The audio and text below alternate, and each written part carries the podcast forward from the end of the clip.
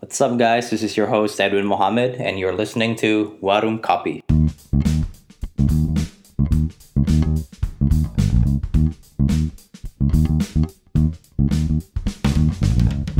Halo, gue Leo. Gue adalah conversion designer di Kata.ai. Hai Leo, makasih banyak nih udah mau direpotin. Ini pertemuan pertama kali kita ya. Ya, pertama Wow. pertama. Always excited buat ketemu sama sesama penulis berarti ya. Ya. Oke, gua mau intro dikit nih sebelum Mhm. kita mulai. Ngomongin masa lalu.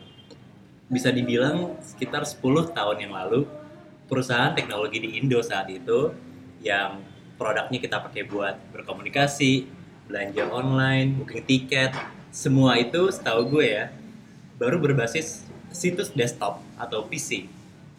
Tapi nggak lama kemudian mereka berkiblat ke versi mobile dan aplikasi fast forward a couple of years ke era digital sekarang, beberapa di antaranya mulai melirik atau bahkan udah masuk nyemplung ke industri AI atau artificial intelligence. Tapi what is AI anyway?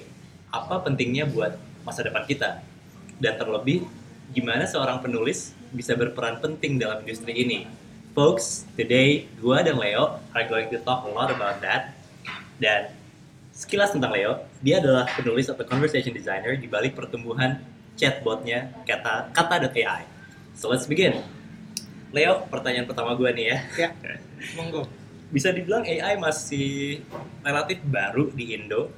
Yes. So for many people including me ya sebagai orang awam, what is AI dan what is kata.ai? Kalau ngomongin AI sendiri ya, sebenarnya tuh bukan barang baru sih sebenarnya. Let's say eh, lu dulu main lu main FIFA atau apa nggak game PS PES. gitu. main dari zaman WE gue main. itu adalah AI sebenarnya. Jadi sebenarnya AI itu basically adalah uh, di mana lu membuat sebuah lu membuat komputer ini bisa mengerti atau bisa mereplicate uh, apa yang biasa dilakukan oleh human. Oke. Misalnya kayak tadi si AI-nya PES atau mungkin kalau misalnya yang sekarang lagi naik daun tuh misalnya Tesla. Tesla. Tesla menggunakan AI untuk uh, self driving car-nya. Ah, Ya kan? oke. Nah, kalau di kata, nah kata menggunakan teknologi AI untuk membuat eh, si komputer ini, si ro- kita bilang kita ro- si robot ini supaya dia mengerti percakapan dari eh, manusia, dari eh, lawan bicaranya Oke. gitu. Jadi basically kata kata.ai itu adalah sebuah perusahaan conversational conversational AI di mana uh, mereka itu mencoba uh, membuat sebuah uh, kecerdasan buatan Mhm. yang bisa mengerti percakapan dari manusia sehari-hari. Oh, Kayak gitu. Itu kata AI. Kata.ai. E. What about awal mulanya nih? Hmm. The rise of AI. Take me to the start. The rise of AI sebenarnya lebih ke sama dari semua industri, semua sama kayak dari semua startup yang uh, berdiri di Hmm. dunia, kan semua pasti adalah untuk solving the problem yang currently existing di Oke. dunia, entah itu di dunia industri, entah itu di masyarakat. Ya. Nah, munculnya AI, AI itu sebenarnya tuh lebih ke dimana uh, founder kita Mas uh, Ican Hmm. eh, itu melihat opportunity bahwa oh banyaknya ternyata eh, kegiatan-kegiatan eh, industri yang bisa diotomatisasi oleh AI Oke. dan specifically di- oleh kata.ai itu adalah eh, secara gampang bisa gue bilang adalah industri customer service let's say Oke. dimana contoh mudahnya aja deh customer service itu pasti banyak banget eh, menjawab pertanyaan-pertanyaan yang redundant kayak misalnya eh, kantor ini atau misalnya mall ini buka jam berapa sih Iya. atau misalnya eh, apa ya misalnya di cafe ini jual kopi susu atau kopi hitam Oke. itu kan pertanyaan-pertanyaan yang sebenarnya ada template jawabannya jawabannya nggak bakal berubah Oke. tapi akan tanya terus berulang-ulang sama orang. Iya. Kenapa nggak itu diotoma- diotomatisasi Oke. supaya pertama eh, mengurangi load beban dari si customer service si manusianya Oke. dan Nah, kedua juga lu bisa jadi punya customer service otomatis Hmm. 24 jam. Dari opportunity itu muncullah si kata.ai di mana ya tadi gue bilang per- perusahaan eh, yang ber- eh, berusaha men-solve masalah dari eh, otomatisasi itu Oke, begitu kurang lebih berarti tujuan utamanya itu untuk automate Yep. yang biasanya dikerjain oleh manusia. Yep. Berarti dalam case ini tuh beberapa di antaranya CS ya. yes Dan dengan adanya si AI Mm-mm. atau apa nih, in other words chatbot berarti chatbot ya itu bisa terlalu harsh nggak nih kalau gue ngomong nge-replace CS? Eh, terlalu harsh eh, bisa dibilang iya sih soalnya Oke. pasti akan ada juga eh, kebutuhan di mana manusia tetap harus ada in charge di situ Oke. tapi mungkin nggak semuanya juga Mhm. manusia bisa harus ada di situ Oke. jadi ya ada porsinya masing-masing lah ada Iya. yang harus dihandle sama manusia ada yang bisa diotomatisasi oleh si chatbot Oke, so it's not fully automated tapi semi automated berarti. ya bisa Dalam hal dibilang chatting. semi automated di sini Mhm. ya Oke. Nah, yang gue tahu ya berarti Hmm. dan plus dari Hmm. yang lo ceritain tadi berarti karena lo nge-automate um, apa communication ya, orang-orang sehari-hari Hmm, itu berarti kan bisa dibilang juga meningkatin experience-nya si pengguna gitu Yes. kan karena jadinya kemungkinan untuk menjawab memberi jawaban yang salah Hmm. itu semakin berkurang. Ya. Oke, berarti one thing that I learned Hmm. from AI chatbot itu meningkatin user experience. yes Dan lo di sini di sini sebagai penulis yes tapi kerjaan lo bedanya apa nih antara eh, kayak- sorry antara kerjaan lo dengan UX writer oke perbedaannya tuh jawabannya sama dengan perbedaan gua dan copywriter atau perbedaan gua dan social media itu bedanya sebenarnya cuman di media di mana gue berkarya sih oke kalau misalnya UX writer tuh lebih berkarya di produk eh, website segala macam atau mungkin copywriter lebih berkarya di eh, periklanan, billboard segala macam, social media eh, ya social media berkaryanya di eh, konten-konten Facebook, Twitter. Nah, kalau di conversion designer sendiri bedanya cuman di gue berkarya di chatbot oke which is di me- messaging platform di WhatsApp, di Facebook, Mhm. kayak gitu sih sebenarnya bedanya bedanya di situ di medianya berarti tapi ya, at the end of the day semuanya adalah penulis kan sebenarnya iya tapi teknik yang lo pakai teknik penulisannya beda nggak teknik penulisan tuh pasti beda oke karena lo sebagai UX writer juga beda dong teknik, teknik penulisan lo sama copywriter Iya. Right? Iya, benar, karena beda. platform lo platform tempat lo bermain sendiri berbeda oke jadi ya pasti conversion designer itu menyesuaikan teknik penulisannya dengan eh, tempat gue bermain yaitu Mhm. adalah di WhatsApp oke misalnya contohnya kayak eh, di WhatsApp itu berarti kan gue harus bikin sesuatu yang eh, s- berupa conversation di mana pasti kan eh, kalau misalnya lo interact interact sama chatbot lo nggak mau kelihatan lo lagi ngobrol sama robot dong lo Iya, pasti iya. juga pengen ngerasa itu lebih human lebih personal iya iya which means berarti gue harus bikin bahasa itu yang lebih konversasional Mhm. gue say hello hello apa eh, selamat siang lalalala segala, segala macam kayak gitu platform yang lo kerjain ini Hmm. berarti cuman ada di oke cuman maksudnya di di scope chatting nih ya cuma di chatting berarti ya Medianya. Eh, nggak pernah ada kata cuman sih. Pasti kan se- sejauh teknologi berkembang ntar pasti ada ada lagi ada ada Oke. aja oh so penggunaan you're ya. looking forward nantinya bakal ada media lainnya selain chatting Ah, yes pasti ada Oke. Lu setuju nggak dengan istilah chatbot? hmm. Gue menanyakan ini karena goal lo kan buat memanusiakan tulisan dalam chat. Hmm. Sedangkan bot itu kan kesannya ya nggak manusiawi, Hmm. robotik gitu. Lu setuju nggak? gue Eh, menganggap chatbot itu adalah sebuah sebutan teknis saja sih karena eh, ya kita menamakan itu chatbot Oke. tapi apakah eh, user harus tahu itu chatbot Oke. Maksud gue ketika misalnya dari segi UX writing apakah orang harus tahu di eh, di belakang penulisan semua itu harus ada UX writer? Enggak kan? Yang yang orang harus tahu adalah oh gue masuk ke website, Mhm. gue bisa menggunakan website itu dengan baik, gue Oke. mengerti apa yang ada di situ. Oke. Dan sama juga dengan conversion designer. Gue masuk ke gue masuk ke messaging platform ini, gue chatting sama si chatbot ini dan gue bisa mendapatkan jawaban yang gue mau. Oke. Gak peduli itu namanya chatbot atau bukan Mhm. menurut gue sih kayak gitu Oke, oke. Ini pertanyaan menarik nih. Hmm. Dan pertanyaan berikutnya ini sebenarnya berangkat dari salah satu followernya Warung Kopi Oke. di Instagram. gimana gimana ya cara lo mastiin kata-kata di chatbot Hmm. ini relatable ke usersnya Hmm. dan by relatable ini maksud gue nge-reflect human to human connection dan Hmm. bukan robot to human connection Oke. dan sesuai dengan konteks yang lagi diomongin dibicarain Hmm. dalam chat tersebut gimana nih Oke, jadi eh, agak susah sih, agak agak panjang juga soalnya eh, conversation designer itu tuh nggak melulu, nggak purely lu cuma bisa, lu harus nulis copy yang bagus, tapi lu juga harus ngerti teknologi dan limitasi yang ada di belakangnya oke gitu karena jadi dari sisi engineeringnya berarti dari sisi engineeringnya oke benar jadi eh, kan kita membuat namanya kecerja- kecerdasan dan Oke. kecerdasan itu harus dilatih lah ibaratnya Iya. ibarat kata eh, se- seorang bayi baru lahir Iya. lo harus ngajarin kalau misalnya eh, ini adalah gelas kopi ini adalah donat iya ya kan Aha. lo nggak bisa tahu-tahu eh, si bayi itu tahu kalau misalnya donat adalah donat oke lo harus ngasih tahu kalau donat itu adalah sebuah makanan Iya. rasanya manis Iya. etc etc Iya. ya kan itu juga harus diajar- diajari ke chatbot Hmm.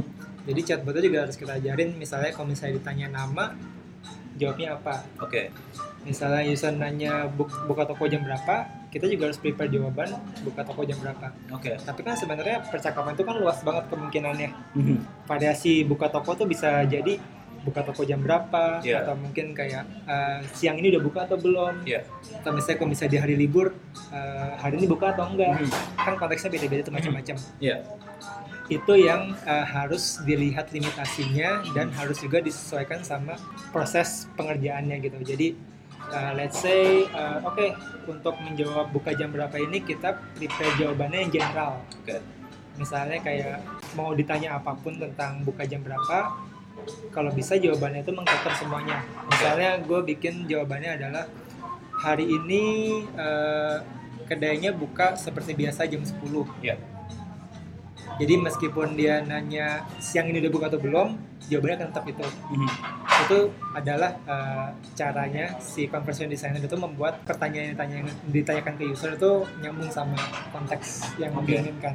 Tapi untuk membuat itu terasa lebih human sendiri itu sebenarnya sama sama kayak gimana kita nge-research biasa sih. Hmm. Mhm. Kita nge-research misalnya eh, dari social medianya gimana biasa interaksi terjadi antara brand dan user. oke Kita ngeliat aja sebenarnya di sekeliling kita gimana sih biasanya kita eh, ngobrol sama satu sama lain dan berhubung kita ngomongin juga conversation conversation design nih antara chatbot dan user ya kita berusaha sebisa mungkin membuat eh, respon dari si botnya ini ya semungkin mungkin dengan manusia oke kalau misalnya ditanya selamat pagi jangan sekaku robot juga Iya, iya. ya kan Ya, gimana biasanya kita ngomong ngebalas Sehari-hari. selamat pagi aja ya Oke. Uh, gimana cari tahu uh, jumlah pertanyaan yang Mhm. yang kiranya bakal bakal keluar bakal ditanyakan sama usersnya? Wah, itu adalah hal yang sangat sulit karena kemungkinan pertanyaan kan dari A sampai Z Iya, kuadrat kuadrat kuadrat iya. ya kan? Dan orang kan beda-beda nih, Iya. mulai dari umur, Hmm. karakter, gaya bahasa, Hmm. pemilihan katanya kan ngaruh ke pemilihan Hmm. katanya kan. How? biasanya di situ balik lagi eh, kita sebagai writer tuh harus menjaga ekspektasi juga dari Oke. user ini gue mainnya komparasi aja ya biar Oke. biar eh, biar gampang kebayangnya Oh, misalnya kalau misalnya di UX writing di website Iya. eh, kopinya adalah menu Iya. dari tulisan menu itu berarti orang bisa berekspektasi kalau misalnya gue klik di situ gue akan lari ke menu Iya. dan secara bawah sadar sendiri orang udah tahu kalau misalnya di menu itu ada ini ini ini ini, ini yes, iya.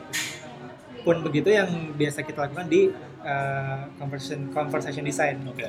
jadi let's say misalnya ketika gue bilang halo chatbot akan balas halo apa yang bisa saya bantu Iya, iya. terus kita jabarin kita bisa ngapain aja Oke. bisa kayak halo uh, selamat siang ada yang bisa aku bantu Hmm. Uh, kamu bisa nanya ke aku uh, jam buka Iya. Uh, atau kamu bisa nanya aku misalnya kopi apa aja yang aku jual Iya. kayak gitu jadi setting the expectation Mhm. lewat kopi Dan sebelum lu jabarin sebejibun itu Hmm. pertanyaannya, ya I assume lu harus ngerti target audience lu juga ya. yes ya umurnya berapa lebih banyak laki atau Ya. atau atau wanita gitu ya. Ya. Gimana cara lu nyiapin jawaban yang yang selalu ada gitu. Soalnya gini, gue pernah nyobain chatbot kan ya. Hmm. Ya. terus iseng-iseng aja gitu eh, apa halo atau kayak sesimpel bosen gitu kan Hmm. nah ada beberapa ada beberapa eh, respon yang nggak sesuai gitu karena mungkin gue iseng banget ya jadi Hmm, ya. dia bingung cara jawabnya gimana gitu tapi dengan lu tahu ya orang bisa seiseng itu dan tetap berharap ada jawaban gimana cara lu nyiapin biar ada jawaban untuk segala pertanyaan gitu is that even possible atau lu sel- apa ya atau lu menemukan sebuah formula gitu kan ini jawaban ini ini statement yang yang ini tuh bisa apply to all kinds of questions Hmm, ya. ketika ada yang nggak bisa di cater nih pertanyaan biasanya sebenarnya balik lagi sih ke objektif dari kita bikin cantum itu sendiri oke karena kalau misalnya ternyata yang kita Oh, jawab meleset itu ya. meleset jauh banget nih Iya, yang emang udah nggak nggak nggak Nggak bukan- relevan. buk- nggak relevan bukan objektifnya it's okay banget untuk menjawab um, untuk bikin respon kayak oh maaf kita belum bisa menjawab itu something iya iya like iya that iya. oke ya itu tetap dibikin kayak gitu ya, Iya. just in case. Hmm. Nah, sebenarnya anggaplah si chatbotnya adalah manusia. Iya. Misalnya lo nanya ke mbak-mbak jualan HP, Iya. lo nanya "Eh, mbak jual donat nggak? Iya. Apakah dia harus menjawab? Enggak dong. Ya sama aja kayak chatbot. Kalau misalnya ternyata pertanyaan itu di luar dengan apa yang objektifnya dia ada di situ, Mhm. yang ngapain harus dijawab. Oke, Mindset gue dalam membuat chatbot itu lebih ke gimana gue memastikan diri bukan sebagai chatbot, tapi gue memastikan diri sebagai si personanya si chatbot itu misalnya persona si chatbotnya adalah customer service-nya atau salesnya uh, tukang jualan HP oke, ya gue bisa jawabnya gimana kalau misalnya gue dikasih jawaban eh gue dikasih pertanyaan menyimpang gue jawabnya gimana Mhm. kayak gitu oke. Kalau nggak salah gue nyobain Jema kalau nggak salah ya. Jema Terus- dari Unilever Jari-jari Unilever. Iya. Hmm. Itu buatan kalian juga. buatan kata Oke, gue nyoba di di Line ya, Ya. kalau nggak salah. Eh, apa kabar? Terus dia jawab biasa kan Hmm. kabarnya. Aku lupa jawabannya gimana. Ya. Terus dia ngomong lagi tuh, kalau nggak salah pakai btw gitu ya. Ya. btw eh, hari hari kamu gimana atau apa gitu. Ya. Jadi sebenarnya nggak cuman nggak cuman lo ngasih jawaban yang relatable, Mhm. tapi dengan kata-kata yang emang sering dipakai orang-orang Ya. gitu ya. btw atau kayak kadang yang nggak ada di kampus bisa lo pakai juga berarti. yes Berarti se- harus sehuman itu ya? balik lagi ke objektifnya Iya dong Oke, objektifnya Jema adalah uh, conversation Oke. Lo ngobrol sama si Jema iya iya iya that's why semua bahasa yang dipakai sah-sah aja iya.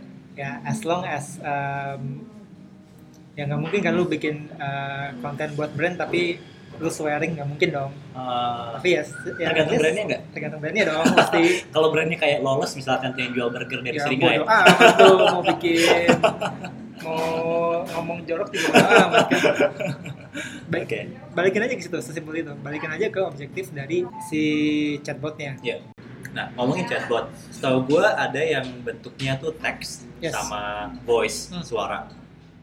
Cara ngedesain tulisannya buat kedua itu beda nggak? bayangin gini kalau misalnya lu via teks via teks kan berarti lu ngelihat di chat lu di WhatsApp lu bisa scroll down lu Iya. bisa baca pelan-pelan Iya. kalau misalnya lu voice habis itu lu eh, si bot ngerespon dengan suara sepanjang itu Iya. kira-kira user eh, ini enggak annoyed nggak Oh, nah paling beda di situ aja dan jawabannya pun gue nggak bisa bilang karena itu balik lagi based on research juga beda di length-nya kan kayak contohnya Hmm, mungkin kebanyakan orang tuh prefer baca yang singkat. Ya. Kebanyakan orang prefer mendengar yang lama tuh nggak apa-apa gitu. Jadi untuk suara mungkin lu panjangin juga nggak apa-apa. that's the answer Oke, kalau gue bikin eh, chat apa chatbot yang bentuknya suara, itu mungkin kalau gue terjemahin ke dunia content writing, Hmm. kayak nulis blog gitu kan, Yes. lebih panjang gitu. misalnya ya Mungkin nggak sepanjang itu, tapi Hmm, long narrative, gitu, Ya. longer narrative Ya. gitu. Tapi kalau untuk chatbot yang bentuknya teks, bisa dibilang kayak copywriting, micro copy. yes gitu. Karena orang Iya. microcopy. Indo, Gak suka baca panjang-panjang. Iya. Iya. oke, walk me through cara lo ngebikin scriptnya nih Skripnya dari untuk awal chat. banget deh. Iya, walk me through dari awal banget. Maksudnya balik lagi, gue minta objektifnya dari klien dulu. Oke, Apa sih eh, buat apa sih chatbotnya? Apakah lu mau buat sales atau lu mau buat ngobrol-ngobrol doang atau Oke. lu mau buat gathering data? Oke, gue udah dapet objektifnya. Abis itu kita gitu dulu lah requirementnya. Apakah lu mau punya persona? Iya. Persona itu kan adalah kayak lu mau jadi chatbotnya kayak gimana sih? Iya. Apakah lu mau personanya literally kayak robot Iya.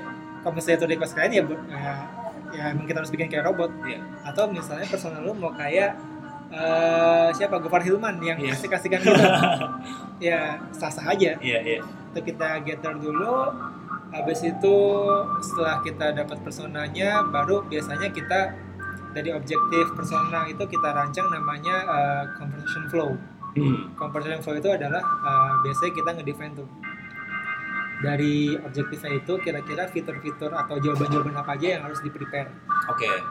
jadi misalnya objektifnya adalah sales, berarti fiturnya adalah eh, jawaban yang harus di har- jawaban yang harus bisa dijawab itu adalah eh, menunya ada apa aja, harganya berapa, Oke. cara belinya gimana. Oke. Nah, itu kita list down, habis itu kita bikin flow-nya. Oh, kalau misalnya buat ditanya eh, ada harganya berapa, Iya. buat jawabannya apa. Nah, habis buat jawab itu mau dilarin kemana? Oke. Mau dilarin ke menu utama atau mau dilarin ke kamu mau beli atau enggak? Oke. oh kalau misalnya kamu mau beli flow-nya apa lagi kalau misalnya dia kalau misalnya user mau beli diarahin ke misalnya eh, ditanya mau beli yang rasa apa Iya. itu nanti akan jadi dialog namanya dia eh, conversation flow ya Oke. Jabaran itu tuh Iya, conversational flow. kayak dialog tree gitulah Oke. Eh, kalau misalnya A kemana B kemana C Iya. kemana gitu Ya oke. simpelnya kayak gitu Simpelnya kayak gitu, but Iya. I'm sure it's more sophisticated. ya. Yes. Dari masing-masing flow ini, kopi apa yang perlu dibikin untuk menjadikan uh, percakapannya seamless. Oke. Jadi oke ya, gue udah tahu, gue ada main menu, gue ada uh, jawab harga, Iya. gue juga ada na- nanya mau beli atau enggak. Oke. Bikinlah itu masing-masing conversationnya, Oke. uh, copywritingnya. Oh buat main menu berarti gue bikin halo selamat pagi uh, mau, mau mau apa ada uh, apa yang bisa dibantu hari ini Oke. oh dia mau beli minum oke aku punya minuman ini ini ini Hmm. ini ini kamu mau beli yang mana Iya. mau beli yang A oh yang A itu adalah ini ini ini Hmm. kamu mau melanjutkan ke pembayaran Iya iya iya. kita lengkapin tuh copywriting copywriting Lu masih struktur otak lo gitu ya. oh iya tapi kan ya biasanya kita pakai punya tools tools ya sebenarnya tools tools kayak draw io yang Iya, bisa iya, iya. buat Chart. dia chart chart gitu juga it's very helpful juga sih Tapi di tengah-tengah itu lu melakukan research apa aja ya? research yang dilakukan sih biasanya lebih ke eh, pertama untuk membuat gaya bahasa yang relevan tuh pasti gue akan research sosial medianya misalnya sosial media di sosial media tuh dia menyapanya dengan mbak ibu atau sis atau Ah, sapaan. princess sejauh apa gue bisa eh, bercanda misalnya Boundariesnya apa aja gitu? ya either klien juga udah ngasih di awal limitasi yes no nya to do to do and not to do nya dari sosial media eh, by data juga mungkin Mhm. atau mungkin bahkan eh, ada di beberapa case beberapa klien itu mereka udah punya kayak eh, conversation log Oke. misalnya kalau misalnya lo tahu Zendesk segala macam yang Iya. buat customer service Iya. dikasih tuh ke kita ada Ah. sepuluh ribu dua ribu data Tiket ya. tiketing kita bisa Complaints lihat are- tuh gimana tuh biasa mereka Ah, oke. Iya. apa yang oke. ditanya gimana mereka nanya Iya iya iya iya. di situ bisa kita formulate oh oh gitu kan jawabnya kayak gini aja Hmm. oh ternyata si user ini tuh si user base nya si brand ini nggak apa-apa kalau misalnya dijawabnya bercandain oke Iya. kita bikinnya jawabnya bercanda-bercandain aja Oke. gitu Kesel nggak kalau gue bilang lu kalian berarti CS the next level. CS the next level Eh kesel nggak ya Beda ya, Be- beda ya dunianya ya. Cara kerjanya pun juga beda ya. bukan the next level CS tapi lebih ke eh, kita saling simbiosis mutualisme saling membantu Oh, oke oke. membantu perkembangan dunia customer service. Dan lu sering sering ketemu sama CS buat ngobrol lebih dalam atau berarti nggak ada CS ya? oh ada, tetap Oh, ada, ada. ada. Eh, ada yang ada, ada yang nggak ada. Oke ya, oke. case by case lah. Right. Tadi ngomongin soal research, sering collab bareng UX researcher nggak? M- Sebenarnya yang do research sebenarnya gua gua juga sih. Wait, lu berarti slash researcher juga? Slash researcher ya bisa dibilang begitulah. Oke. Karena kan gue yang in touch sama brandnya setiap hari, jadi Mhm. pasti gue yang lebih tahu dengan eh, apa yang terjadi di brand itu. Oke, ini berarti struktur tim di conversation design ini ada siapa aja? Ada si conversation design, Which is you? which is eh, Mei As, eh, gua dan tim. Oke. Eh, PM pasti lah project project manager. Iya, iya, they're everywhere. Terus eh, ada sebenarnya namanya eh, NL trainer, which dia yang men- nge-train ke- kecerdasan buatannya sih, kecerdas- kecerdasan buatannya Apa itu. namanya tadi? NL trainer, NL. Ya. NL stands for eh, natural language. Oh my god, I I didn't know that existed. Gua nggak mau ngebahas itu di sini soalnya itu terlalu apa ya, technical banget yang Oke, nah, nah, itu let's lah. get down to the previous topic lah tentang conversation design. Hmm. Ada PM, Yap. ada ada conversation Designer, designer, which is you. Uh, ada siapa lagi nih? M, sorry, ML yang tadi kan, Yes. yang data driven banget. dan Basic ada ada ini ada software software engineer Oke. untuk merealisasikan semua desain writing yang tadi gue bikin Berarti nggak ada UX UI designer. saya Perlu juga. saya kan eh, apa yang didesain Oh iya Right. benar juga. Karena pakai Line, pakai WhatsApp. Iya. Iya, benar semua kan juga. cuma writing Oh berarti justru UX UI designernya buat produknya yes milik kata dan AI. Yap. Oke. Nah, selain menulis, lo harus jago apa lagi nih to be the best in this job?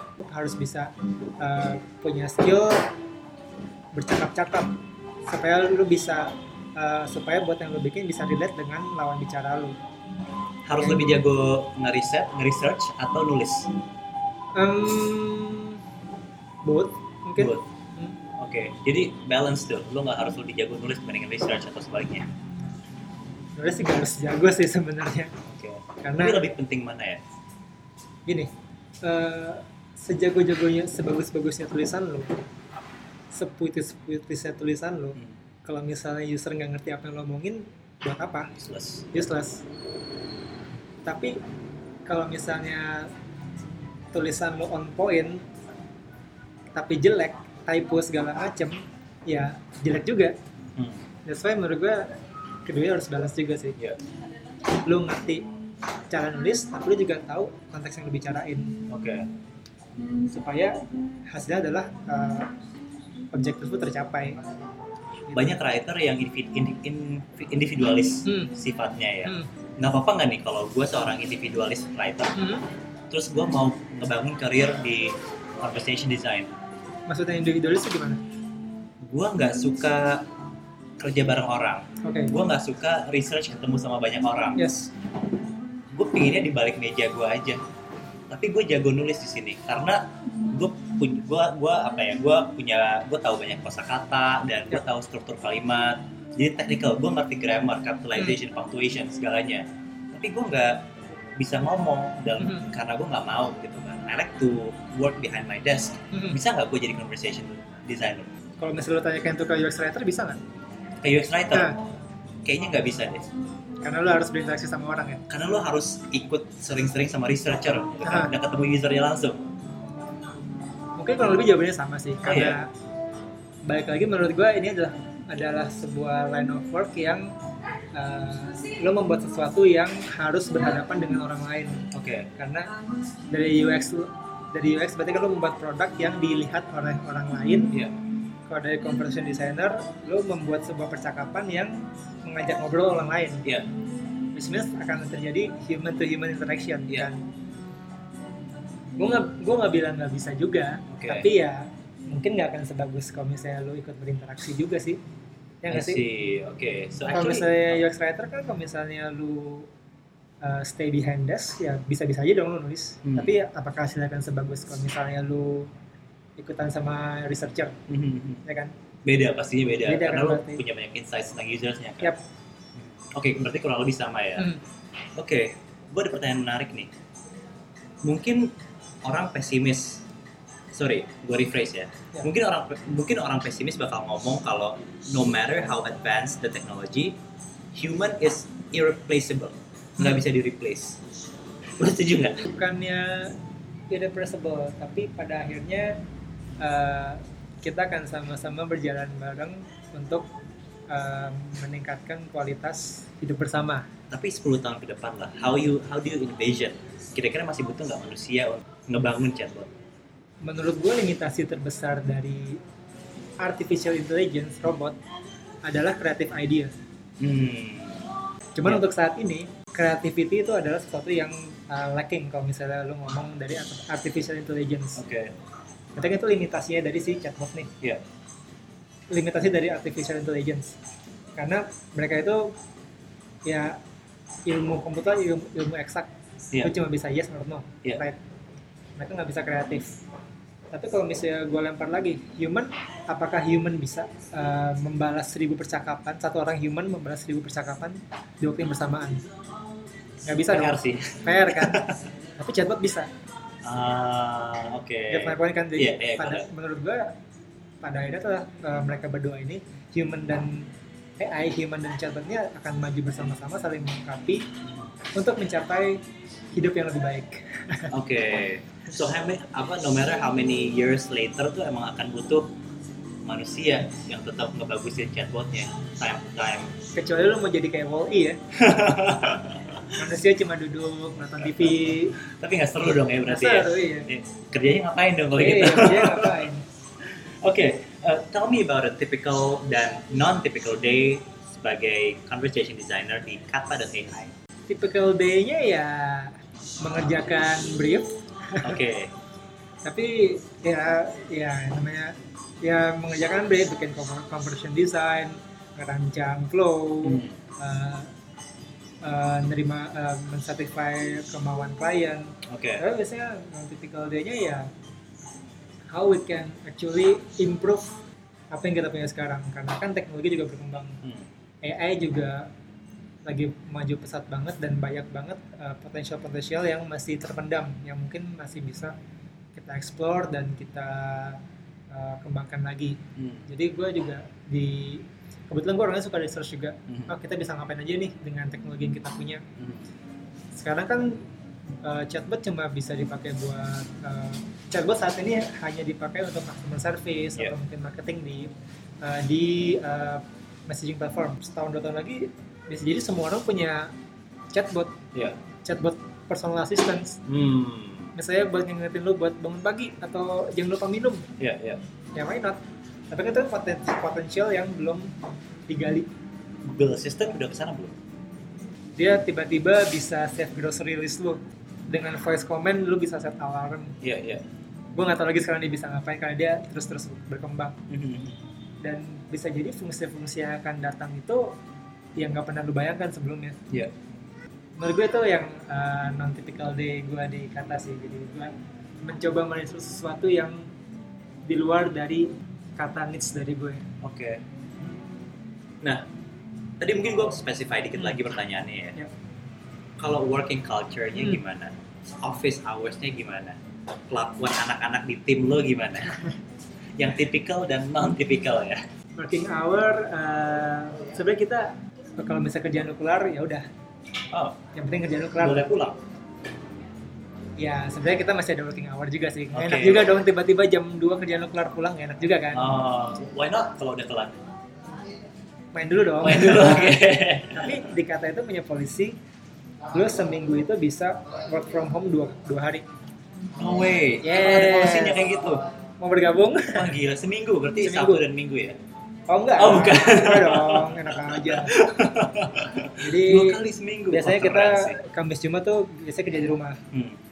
dan menurut gue efektif efektif efektif efektif aja karena Oke. kerjaan kita juga kelar semua nggak ada Iya. yang nggak ada yang delay nggak ada yang apa Oke.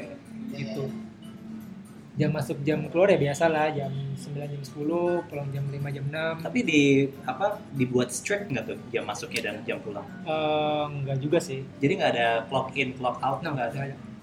Masuk masuk aja, pulang pulang aja gitu. gue Ya, telat tiap hari kok. Karena dia jadi, jadi daya tarik nih buat yang mau coba masuk.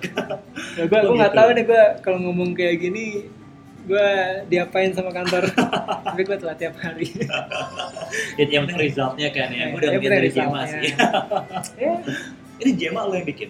eh, Jema ada Rizian yang bikin. Oh sebelumnya. Sebelumnya. Iya. Berarti yang lo bikin, yang udah lo bikin apa? Yang udah gue bikin ada chatbotnya BRI, BRI. eh, Sabrina, Sabrina. ada tim gue juga bikin chatbotnya Body Shop, ada Pegadaian, lumayan banyak loh. Veronica? Veronica itu jadi eh, kata tuh punya sistem juga namanya partnership. Oke. Jadi itu ada partner kita sendiri yang bikin. Oh, Jadi ada oke. dua, ada yang kita bikin sendiri, ada yang partner kita bikin. Jadi kan sebenarnya kan kata itu eh, platform, Iya. bukan bukan dia eh, yang kata jual adalah platformnya, Oke. bukan eh, kita juga punya service untuk mau bikinin chatbot di platform itu, tapi Iya. kita juga open buat partner lain kayak tech company di luar sana untuk pakai platformnya kata untuk membuat chatbot. Oke. Gitu. Nah Veronica ini si punyanya eh, Telkom, Telkom, Telkomsel ya? Telkomsel Iya. itu yang bikin adalah partner. Oh, Begitu. oke. Lo yang bikin Jarvis bukan? Oh iya, Oh iya. iya. Oh, salam kenal ya nama gue Iya. Edwin nih mungkin lagi buka lowongan. Jarvis. Udah lama nggak ngobrol. I see. Oke, kalau oke office hour udah ya. Ya. Kelakuan deh, kelakuan, Kelakuan. anak-anak di tim lo. Oh kita asik-asik kok. Asik nih relatif nih, gimana nih? Eh, Contoh Su- deh. dikata tuh anaknya masih muda-muda ya. Oke. Gue gue gue Semuda apa nih? gue 20 sekian ini termasuk tua. Di Serius lo? kata karena kebanyakan tim tech technya tim marketing itu masih masih- tim tech tim technya masih muda-muda dan Mudanya berapa nih? 22, 23? dua ya in between 23 sampai 26 lah. Gila, Temennya itu masih muda. Lu kan masih muda kan ya. Jadi masih fighting spiritnya masih besar, kemauan belajarnya masih besar, dan masih senang bermain-main. Oke. Jadi sedikit nih yang udah berkeluarga di sana. Hmm, Yang udah punya anak gitu atau at least married lah. ya 50 persen, 50-50 lah. Oh gitu ya. Jadi lo nggak jadi minority ya kalau lo udah married ataupun punya anak kerja di Ah. kata. No, enggak. Oke. Ada ada aja pasti. Ada aja. Hmm. Oke. Tapi lunch dapat gratis nggak? Lunch kita dapat catering, Dapat catering. Iya. Gratis berarti ya. gratis. Oke. Jadi Oh. makan siang udah tidak perlu mikir. Oke. Seminggu lo bisa WFH Dua dua, kali. kali seminggu Dua kali seminggu lo dapat makan gratis juga. dapat makan gratis. Wah gila sih. Enak ya? Itu menurut gua emang penting banget buat buat berinovasi itu. dan menurut gue juga eh, personally eh, WFH dua minggu eh, dua kali seminggu itu adalah sesuatu yang apa ya important banget buat diri lu sih karena lu jadi bisa ngebalance work work life Ini ngomongin mentally berarti. buat gue ngomongin mentally karena di kantor-kantor sebelumnya ya di kantor manapun itu kan biasanya kan five hour eh, five five five days a week kan Iya. Eh, di dimana gue ngerasa gue cuma punya sabtu minggu untuk eh, refresh my mind Iya. sementara di kata di dua hari WFH itu even though gue tetap kerja tapi gue bisa kerja di env- environment yang eh, suitable buat gue Oke. dimana gue jadi gue jadi bisa mengkategorikan mengkategorikan dua hari itu adalah sebagai dua hari refreshment juga buat gue dan gue jadi less stress aja sih dikata Oke. Dan lo udah berapa lama nih sekarang? gue udah setahun empat bulan Setahun empat bulan. And you're Yep. still looking for many more years ahead di sana. Ah, yap. Nice. Ngomongin soal kerja di kata di kata.ai ya. Ini karena AI masih relatif baru juga. Gue Hmm, belum kebayang nih jenjang karirnya kayak gimana. Lo bisa kasih gambaran nggak? gimana ya Karena gue yakin ya dengan jenjang karir yang jelas ini bisa menjadi daya tarik buat menambah orang-orang kayak lo hmm. di Indonesia. Yap. Karena seperkenalan gue, kayaknya cuma lo sih yang gue tahu megang jabatan ini ya. sebelum jadi conversation designer kan nama eh, jabatan gue UX writer Hmm. Di mana? di di sini maksudnya sebelum jabatan gue dikata conversation designer jabatan jabatan gue tuh UX writer meskipun Oke. kerjaan kerjaan sama ya Oke. karena emang jabatan conversation designer itu belum ada. gue gue nyontek dari gue search di Google, Google tuh jabatannya apa sih untuk yang eh, mengurus percakapan? Oh, Oh, ternyata serius conversation lo? designer. Oh ya udah gue pakai itu aja. Lo bahkan belum tahu nama role lo ini apa Kagak gitu. tahu, nggak ada nggak ada nggak ada ref- nggak ada people to refer juga. Iya iya iya. iya. Oh akhirnya lo ngeliat Google Personality Team nih berarti ya? Google Assistant Personality Team, bukan ya? Mungkin pokoknya ada eh, mungkin kalau misalnya lo lihat di job offer-nya Google sekarang dia mencari conversation designer. Ah, Oke, mungkin itu adalah jabatan gue. Karena lo baca job desk-nya, lo ini gue banget nih, Iya. kayaknya gue masih ganti title. itu karena emang se- sejauh gua browsing tuh belum ada role yang serupa aja sih di Indonesia saat ini. Jadi mungkin kalau misalnya dibilang gue dan tim gue dan mungkin beberapa di kompetitor lain tuh ada jabatannya sama ya mungkin itu adalah pionir-pionirnya nih Iya. mungkin kalau misalnya ternyata ada yang lebih senior bisa reach out karena di sini kita juga masih belajar bareng Tapi lagi ya? hiring. kita biasanya di LinkedIn di Tech Indonesia Ah, tapi gimana nih jenjang karirnya? Berarti it's so new kan sekarang Yeah. role-nya. So, how do you see yourself gitu in the next three or five years? hmm kalau gue boleh tanya balik UX Writer jenjang karirnya gimana? Jenjang karirnya? Iya. Mungkin kedepannya nggak tahu ya. Hmm. Makin ngerti tentang desain, tentang product design. Mungkin jadi uh, either specialist itu jadi semakin senior, senior, Oke. senior, senior terus. Uh, nulis buku nggak? Uh, apa namanya? Kalau mau jadi generalis mungkin jadi VP. Ah ya. VP apa VP UX Hmm. uh, VP di tim produk itu Uh, atau bikin podcast bercanda kurang lebih kayak Iya. Menarik. gitulah Apa jangan-jangan abis ini gue bikin podcast baru boleh untuk jadi untuk membahas conversation design? Mungkin kalau dari jenjang karir gimana ya? Gue sendiri juga nggak bisa bilang apa-apa karena Hmm. jabatan ini pun gue kita invent sendiri gitu. Iya. Jadi kalau misalnya menyamakan dengan UX rating ya mungkin akan seperti itu juga. oke Tapi mungkin bayangan gue ya, mungkin nih pendapat personal gue, Iya. bukan pendapat perusahaan. Cuman menurut gue eh, jabatan kedepannya tuh pasti akan ada. Kalau kalau sekarang kan conversation design. Iya.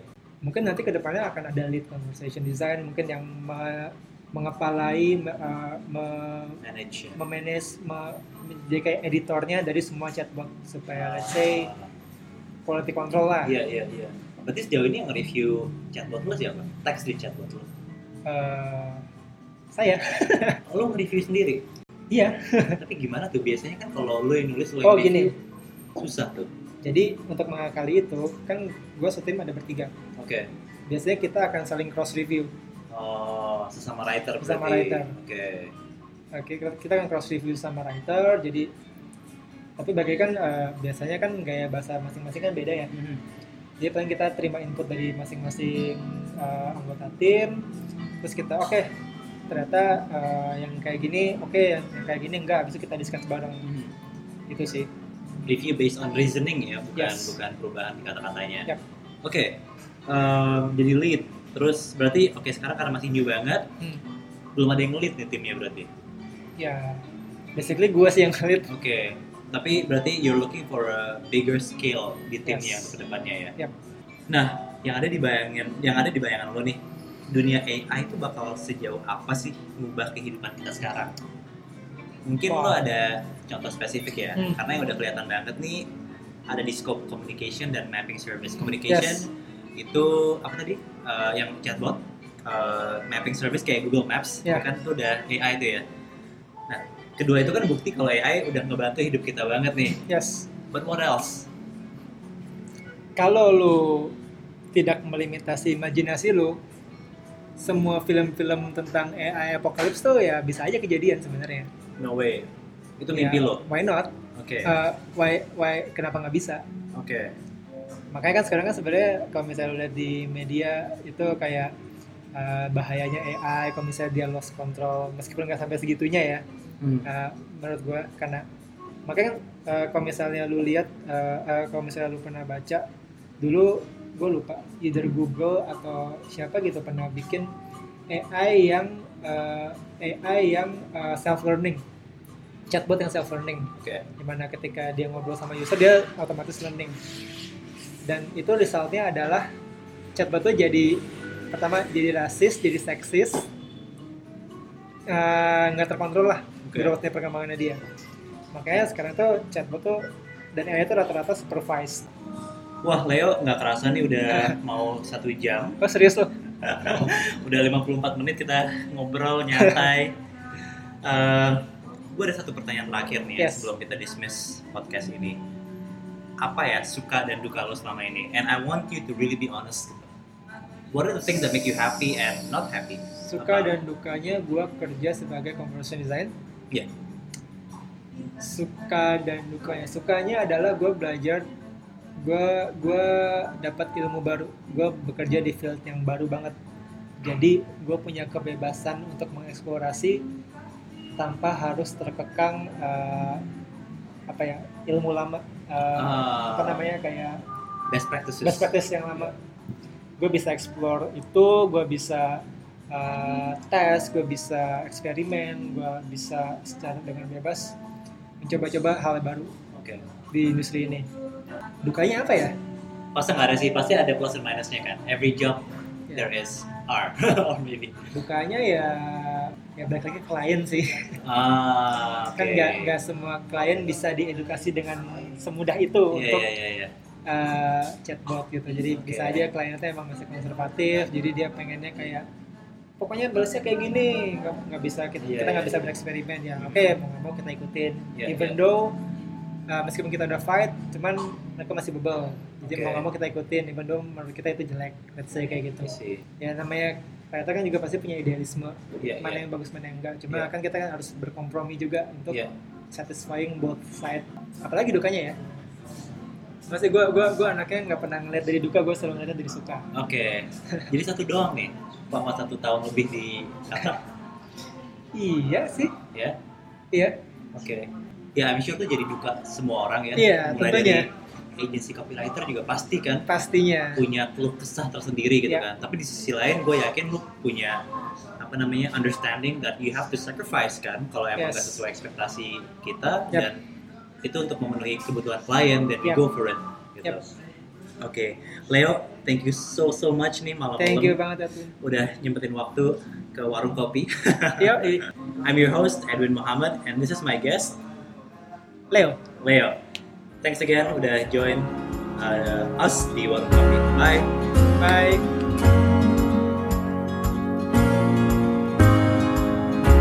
Thanks for tuning in to Warung Copy. Don't forget to follow us on Instagram at warung.copy. I'll see you again next time.